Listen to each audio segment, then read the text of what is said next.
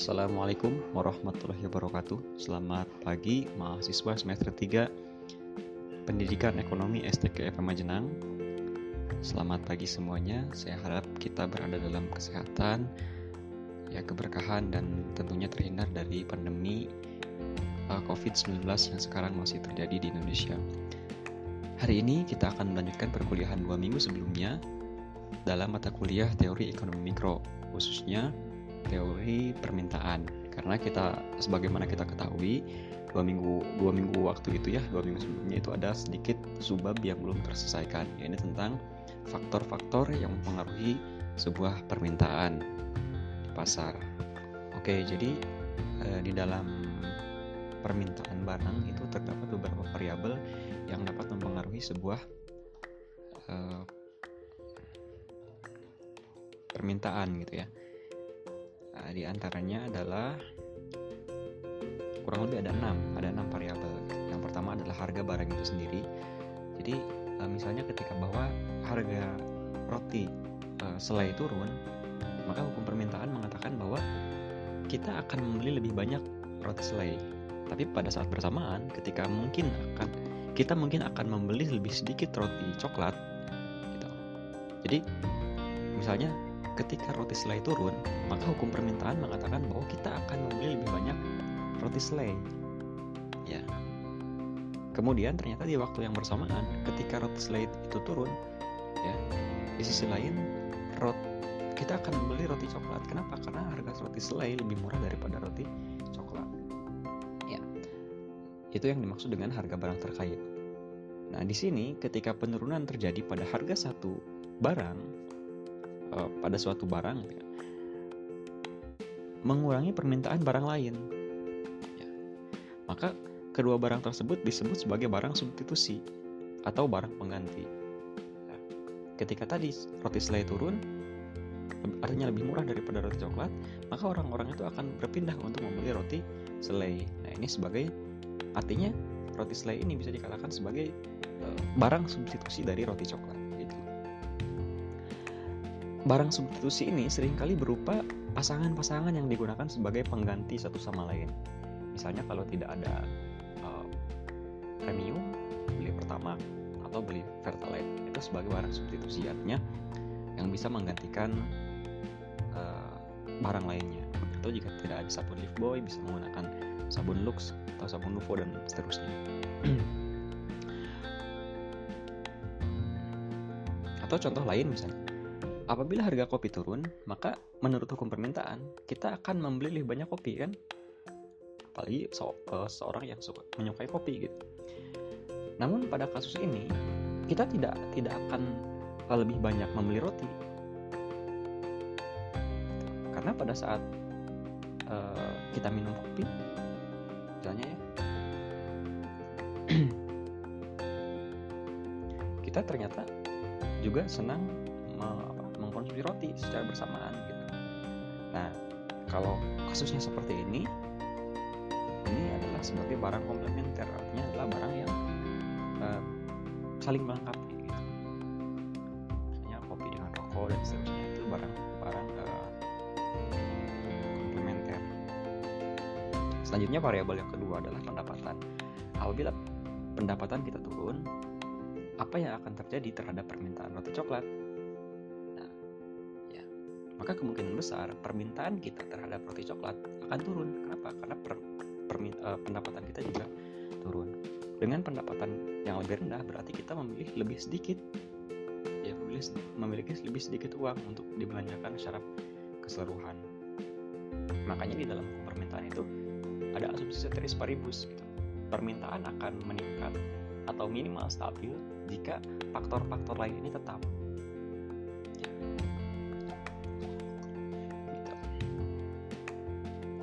Kemudian yang ketiga ada selera.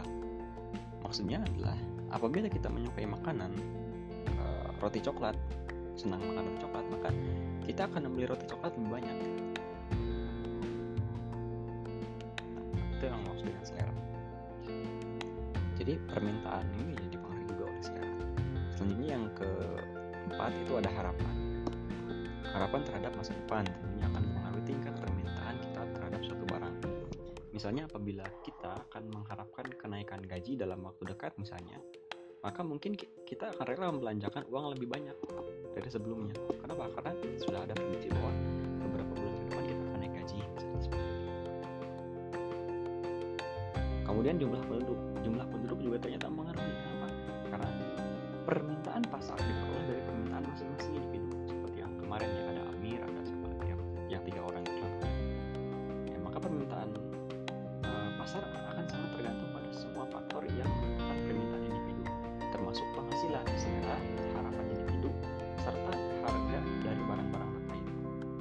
Sebagai tambahan permintaan uh, pasar tergantung dari jumlah pembeli. Jadi, misalnya apabila Ani, seorang penduduk yang suka makan roti coklat, bergabung dengan Amir dan Ali, maka jumlah permintaan roti coklat meningkat pada setiap harga dan kurva permintaan akan bergeser ke kanan karena permintaan pasarnya juga meningkat seperti itu. Nah, uh, ini uh, keenam variabel ini ya harga barang kemudian harga barang terkait pendapatan konsumen selera jumlah penduduk harapan masa yang akan datang itu adalah faktor-faktor yang mempengaruhi uh, permintaan. Artinya ketika keenam faktor ini berubah maka permintaan pun akan berubah. Nah perubahannya ini bisa naik atau juga bisa turun. Itu tergantung uh, apa ya tergantung situasi dan kondisi. Yang jelas permintaan seorang terhadap sebuah barang itu dipengaruhi oleh keenam Kemudian selanjutnya kita lanjutkan ke teori penawaran. Permintaan pada suatu barang dan jasa tidak disertai dengan penawaran barang dan tidak dapat memwujudkan transaksi di pasar. Permintaan baru dapat terpenuhi apabila produsen atau penjual menyediakan barang-barang maupun jasa-jasa yang diperlukan oleh konsumen tersebut. Jadi, penawaran dapat diartikan uh, sebagai kuantitas suatu barang tertentu di mana orang seorang penjual bersedia menawarkan barang atau jasa pada berbagai tingkat harga dengan asumsi ceteris paribus.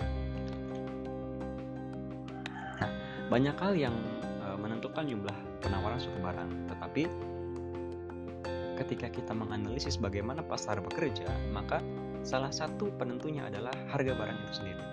Apabila harga roti coklat naik, maka besar pada penjual, sehingga uh, jumlah barang yang ditawarkan akan naik. Nah, kenapa naik? Karena penjual ingin mendapatkan keuntungan yang lebih banyak. Penjual roti akan bekerja sepanjang hari membuat lebih banyak roti coklat dan mempekerjakan lebih banyak tenaga kerja. Nah, itu supaya mendapat keuntungannya lebih dari biasanya. Akan tetapi pada saat roti coklat turun, maka usahanya tertentu, uh, maka usahanya tentu juga akan mengalami uh, penurunan penurunan keuntungan. Oleh karenanya, penjual akan memutuskan untuk mengurangi produksi roti. Pada saat semakin turun, mungkin penjual juga akan memutuskan akan menutup usahanya, sehingga penjual sama dengan nol keuntungannya gitu. Nah, oleh karena itu, jumlah penawaran meningkat seiring dengan naiknya harga dapat dikatakan bahwa jumlah penawaran berhubungan secara positif dengan tingkat harga. Sehingga hubungan antara harga dan jumlah penawaran ini berlaku untuk kebanyakan jenis barang. Inilah yang disebut dengan the law of uh, supply, hukum dari penawaran. Ketika harga naik, maka penawaran juga akan naik. Seperti itu. Nah ini ilustrasi grafik dan seterusnya akan saya uh, share di PowerPoint di uh, PPT nanti di slide. slide ini bisa kalian saya akan saya share juga nanti di uh, grup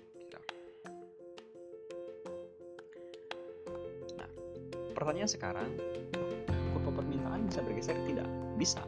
Caranya bagaimana? Kurva penawaran roti coklat menunjukkan seberapa besar jumlah roti coklat yang ditawarkan ya nanti dicek ya uh, kurvanya gitu dengan asumsi faktor lain tidak berubah atau ceteris paribus hubungannya dapat berubah seiring berjalannya waktu nah uh, yang mempengaruhi ada kalau tadi yang mempengaruhi permintaan itu ada lima variabel nah setelah sekarang yang ada lima variabel atau lima faktor. Yang pertama adalah harga barang itu sendiri. Yang kedua adalah harga input. Yang ketiga adalah teknologi. Yang keempat harga input untuk memproduksi maksudnya adalah harga yang dibutuhkan untuk memproduksi roti coklat atau untuk memproduksi sebuah barang. Berapa in, berapa input yang dibutuhkan untuk membuat sebuah barang? Dalam hal ini misalnya contohnya untuk mem, memproduksi sebuah coklat. Katakanlah barangnya itu ada terigu gula coklat perasa mesin membuat roti dan seterusnya. Nah ini barang ini dikalkulasikan berapa kebutuhan untuk uh, input ini gitu loh. Ketika harga salah satu input meningkat maka biaya produksi roti coklat, biaya produksi sebuah, sebuah barang atau dalam hal ini kita contohkan roti coklat tentu juga akan mengalami kenaikan. Sehingga keuntungannya akan menjadi menurun sehingga untuk menutupi kekurangan ini ketidakuntungan ini maka perusahaan akan memproduksi lebih sedikit roti coklat kemudian apabila harga semakin meningkat maka perusahaan mungkin akan menutup pabriknya atau bisa juga misalnya perusahaan mencari uh, alternatif bahan dan seterusnya. Kemudian ada faktor teknologi. Nah, ternyata teknologi yang digunakan oleh produsen untuk mengubah input menjadi output berupa roti atau berupa barang juga menentukan jumlah uh, juga menentukan jumlah barang yang ditawarkan. Apabila produsen menemukan teknologi mesin yang dapat mengurangi penggunaan tenaga kerja misalnya jika mesin tersebut dapat mengurangi biaya produksi perusahaan, maka penawaran untuk coklat akan meningkat. Misalnya, saya menciptakan, saya mempunyai mesin otomatis harga penawaran, um, otomatis penawarannya akan semakin banyak. Kenapa? Karena katakanlah dengan produksi produksi barang mesin itu biaya jadi bisa ditekan, jadi lebih murah gitu. Sehingga otomatis kan kalau harganya harga produksinya lebih murah pasti akan saya saya akan dapat lebih keuntungan lebih banyak nah, karena adanya adanya potensi keuntungan lebih banyak ini maka biasanya penjual akan semakin menawarkan barang dalam jumlah yang banyak pula gitu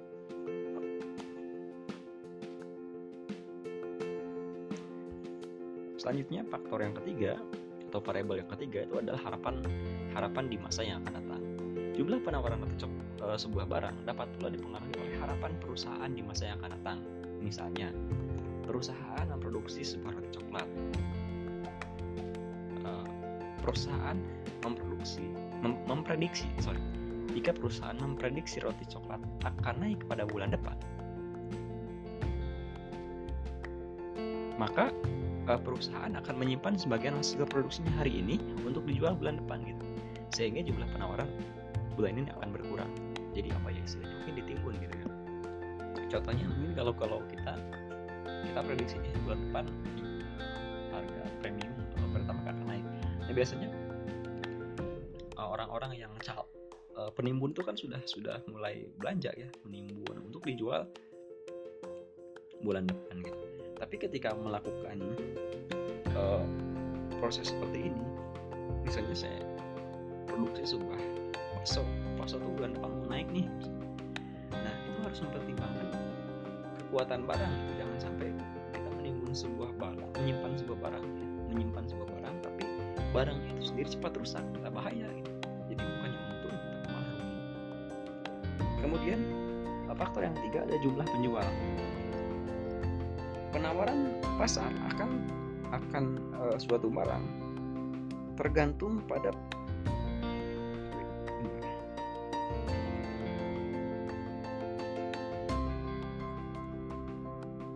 uh, tergantung pada seluruh pak oh, sorry.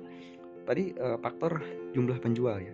Penawaran pasar akan jumlah sebuah barang tergantung pada seluruh faktor yang mempengaruhi penawaran untuk masing-masing individu seperti harga input, teknologi yang digunakan, harapan sebagai kemudian sebagai tambahan penawaran juga tergantung pada jumlah penjual yang ada di pasar. Maksudnya gimana? Kalau penjualnya banyak, gimana kira-kira? Nah kalau penjualnya banyak, bisa jadi orang itu ya uh, penawarannya ya apa ya nggak terlalu masif gitu. tapi kalau penjualnya sedikit nah bisa jadi itu habis-habisan menawarkannya kenapa karena biar orang lain beli semua sama dia gitu. Ya kan? Seperti itu. Karena nggak ada pesaing gitu. makanya kalau penjualnya sedikit biasanya orang-orang tuh wah jual duluan yang banyak. Banyak banget. Tapi karena udah kalau udah banyak mulai banyak pesaing biasanya agak diturunin. Karena pesaingnya banyak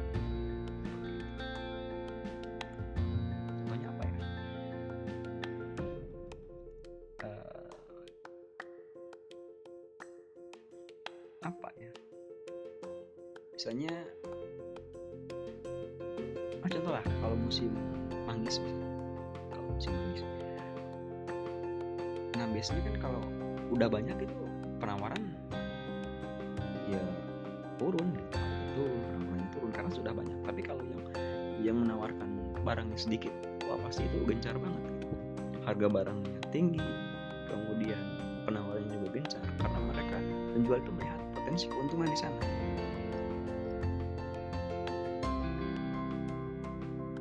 Nah sekarang kita masuk ke eh, sub pembahasan selanjutnya yaitu tentang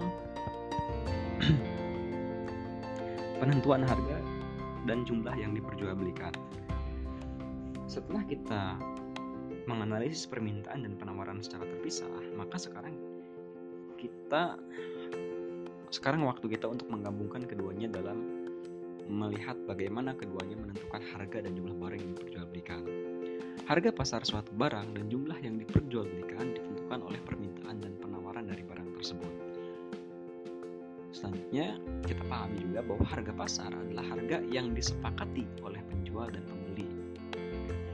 Nah, ke harga pasar ini cara penentuannya tergantung pada permintaan, penawaran dan bentuk pasar di mana permintaan dan penawaran. Oleh sebab itu, perlu dilakukan analisis secara serentak terhadap permintaan dan penawaran suatu barang untuk menentukan harga dan jumlah barang yang diperjualbelikan atas dasar uh, komoditas tertentu. Nah ini penting, penting dan ini bisa di sebenarnya ini bisa diterapkan dalam uh, kehidupan kita sehari-hari, gitu, terutama dalam ketika kita berbisnis. Analisis permintaan Tanpa adanya campur tangan pemerintah, permintaan dan penawaran dengan sendirinya akan mencapai keseimbangan harga dan jumlah barang atau jasa yang diperjualbelikan. Gitu ya. Pertanyaannya mungkin bagaimana harga dan jumlah eh, barang jumlah bervariasi sepanjang waktu? Tentu ini tergantung bagaimana perubahan variabel-variabel ekonomi lainnya. Nah, oleh karena itu, pemahaman secara kualitatif dan kuantitatif akan sangat membantu untuk memahami dampak dari kejadian-kejadian tersebut. Oke, selanjutnya kita pahami juga bahwa harga suatu barang atau sangat tergantung pada pasar yang dihadapi. Kita kita bisa kita biasa mendengar harga di suatu pasar produk pasar eh, produk mengalami guncangan hebat. Nah, sedang di pasar lainnya tidak. Jadi di satu pasar ini nih harganya tinggi misalnya atau lagi turun, tapi di pasar yang lain normal-normal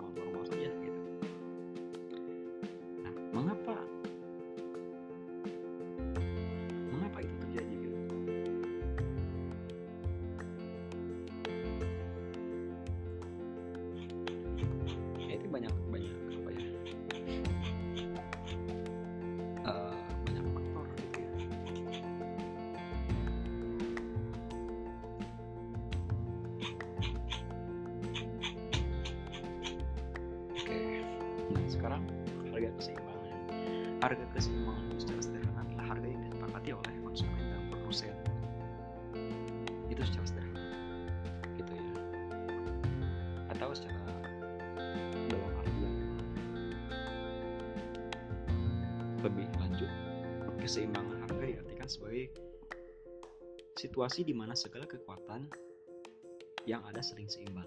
Artinya, ini menjelaskan keseimbangan uh, pasar itu menjelaskan pada harga keseimbangan jumlah barang yang rela dan mampu dibeli sama besar dengan jumlah barang yang rela dan mampu dijual. Di sini, harga keseimbangan ini disebut sebagai market clearing price. Karena pada harga ini semua pihak di pasar dipuaskan. Pembeli telah membeli semua uh, membeli semua yang mereka mau beli. Dan penjual telah menjual semua yang mereka jual. Jadi misalnya nih uh, saya punya uh, 10 barang. Nah saya ini kan kalau punya 10 barang artinya saya menginginkan bahwa 10 barang ini laku kemudian misalnya ada ada pembeli namanya si A. Si A ini juga membutuhkan 10 barang. Artinya kalau saya ingin menjual 10 barang dan si A ingin membutuhkan 10 barang katakanlah si A ini ingin membeli, membeli barang saya dengan harga 2000 per barang. Saya juga menjual 2000 per barang. Nah otomatis itu sudah ada keseimbangan kenapa? Karena itu tadi ya yang sebagaimana saya sebutkan harga keseimbangan disebut sebagai market uh, clearing price karena pada harga ini semua pihak di pasar dipuaskan artinya si A ini setuju dengan harga barang 2000 per barang saya juga setuju menjual 2000 per barang artinya saya saya puas dia juga puas gitu. artinya dia mengeluarkan 2000 per barang untuk 10 barang saya menjual satu barang 2000 ya. saya jual semua gitu. jadi aja kan terpuas artinya punya barang saya terjual semua mendapatkan semua barang yang dibutuhkan nah itu harga keseimbangan gitu nah ini nanti ada di, di slide gitu ya. Gambarnya nanti ada ada gambarnya. Saya jelaskan sekarang gambarnya. Jadi pada gambar uh, gambar yang akan saya yang sudah saya yang akan saya share di slide itu itu menunjukkan kurva penawaran pasar dan kurva permintaan pasar bersama-sama. Sehingga membentuk harga keseimbangan nah coba nanti diperhatikan di sana ada titik eh, ada satu titik di mana kurva penawaran dan permintaan saling berpotongan. Nah, titik ini dinamakan dengan titik keseimbangan atau equilibrium. Harga pada perpotongan itu disebut dengan harga keseimbangan atau price price equilibrium. Dan jumlah jumlah barang pada titik itu disebut jumlah keseimbangan atau equilibrium quantity. Nah, pada gambar di sana kan harganya itu tercantum harga keseimbangan adalah 2000 per biji roti coklat. Dan jumlah keseimbangan ya, atau equilibrium equilibrium kuantitinya adalah 1000 biji roti coklat. Jadi pada harga 2000 itu tidak ada sisa roti coklat di, di, di penjual gitu.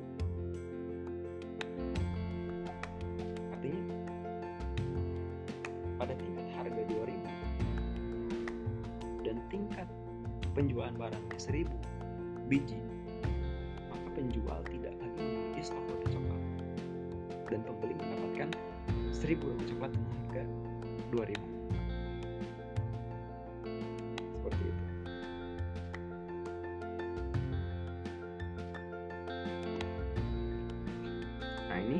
Dalam kajian ini dikatakan uh, sebagai clear gitu, clear dalam arti uh, pasar tidak lagi tidak ada apa barang yang ada di pasarnya habis dan konsumen mendapatkan barang yang dia inginkan. Nah ini nanti gambarnya juga ada uh, di, di slide ya bisa Nah pada saat keseimbangan tidak ada uh, tekanan harga dan jumlah untuk berubah akan tetapi dalam kenyataannya penawaran dan permintaan tidak selalu berada keseimbangan dan beberapa pasar mungkin tidak akan cepat mencapai keseimbangan apabila terjadi perubahan secara tiba-tiba. Walaupun kecenderungan pasar biasanya mengarah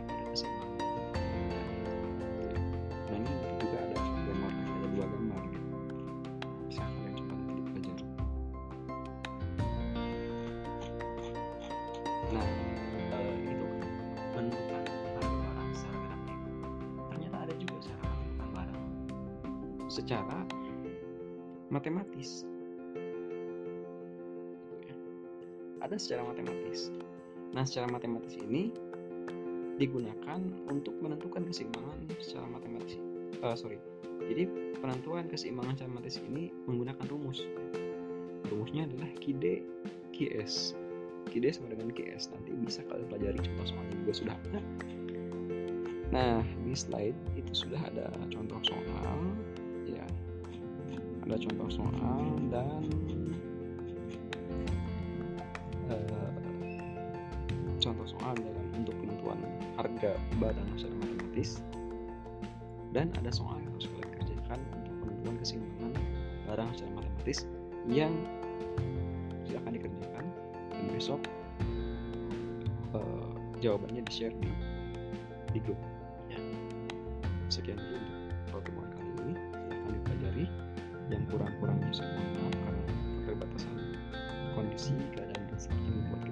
belajar dengan cara seperti ini. Terima kasih. Assalamualaikum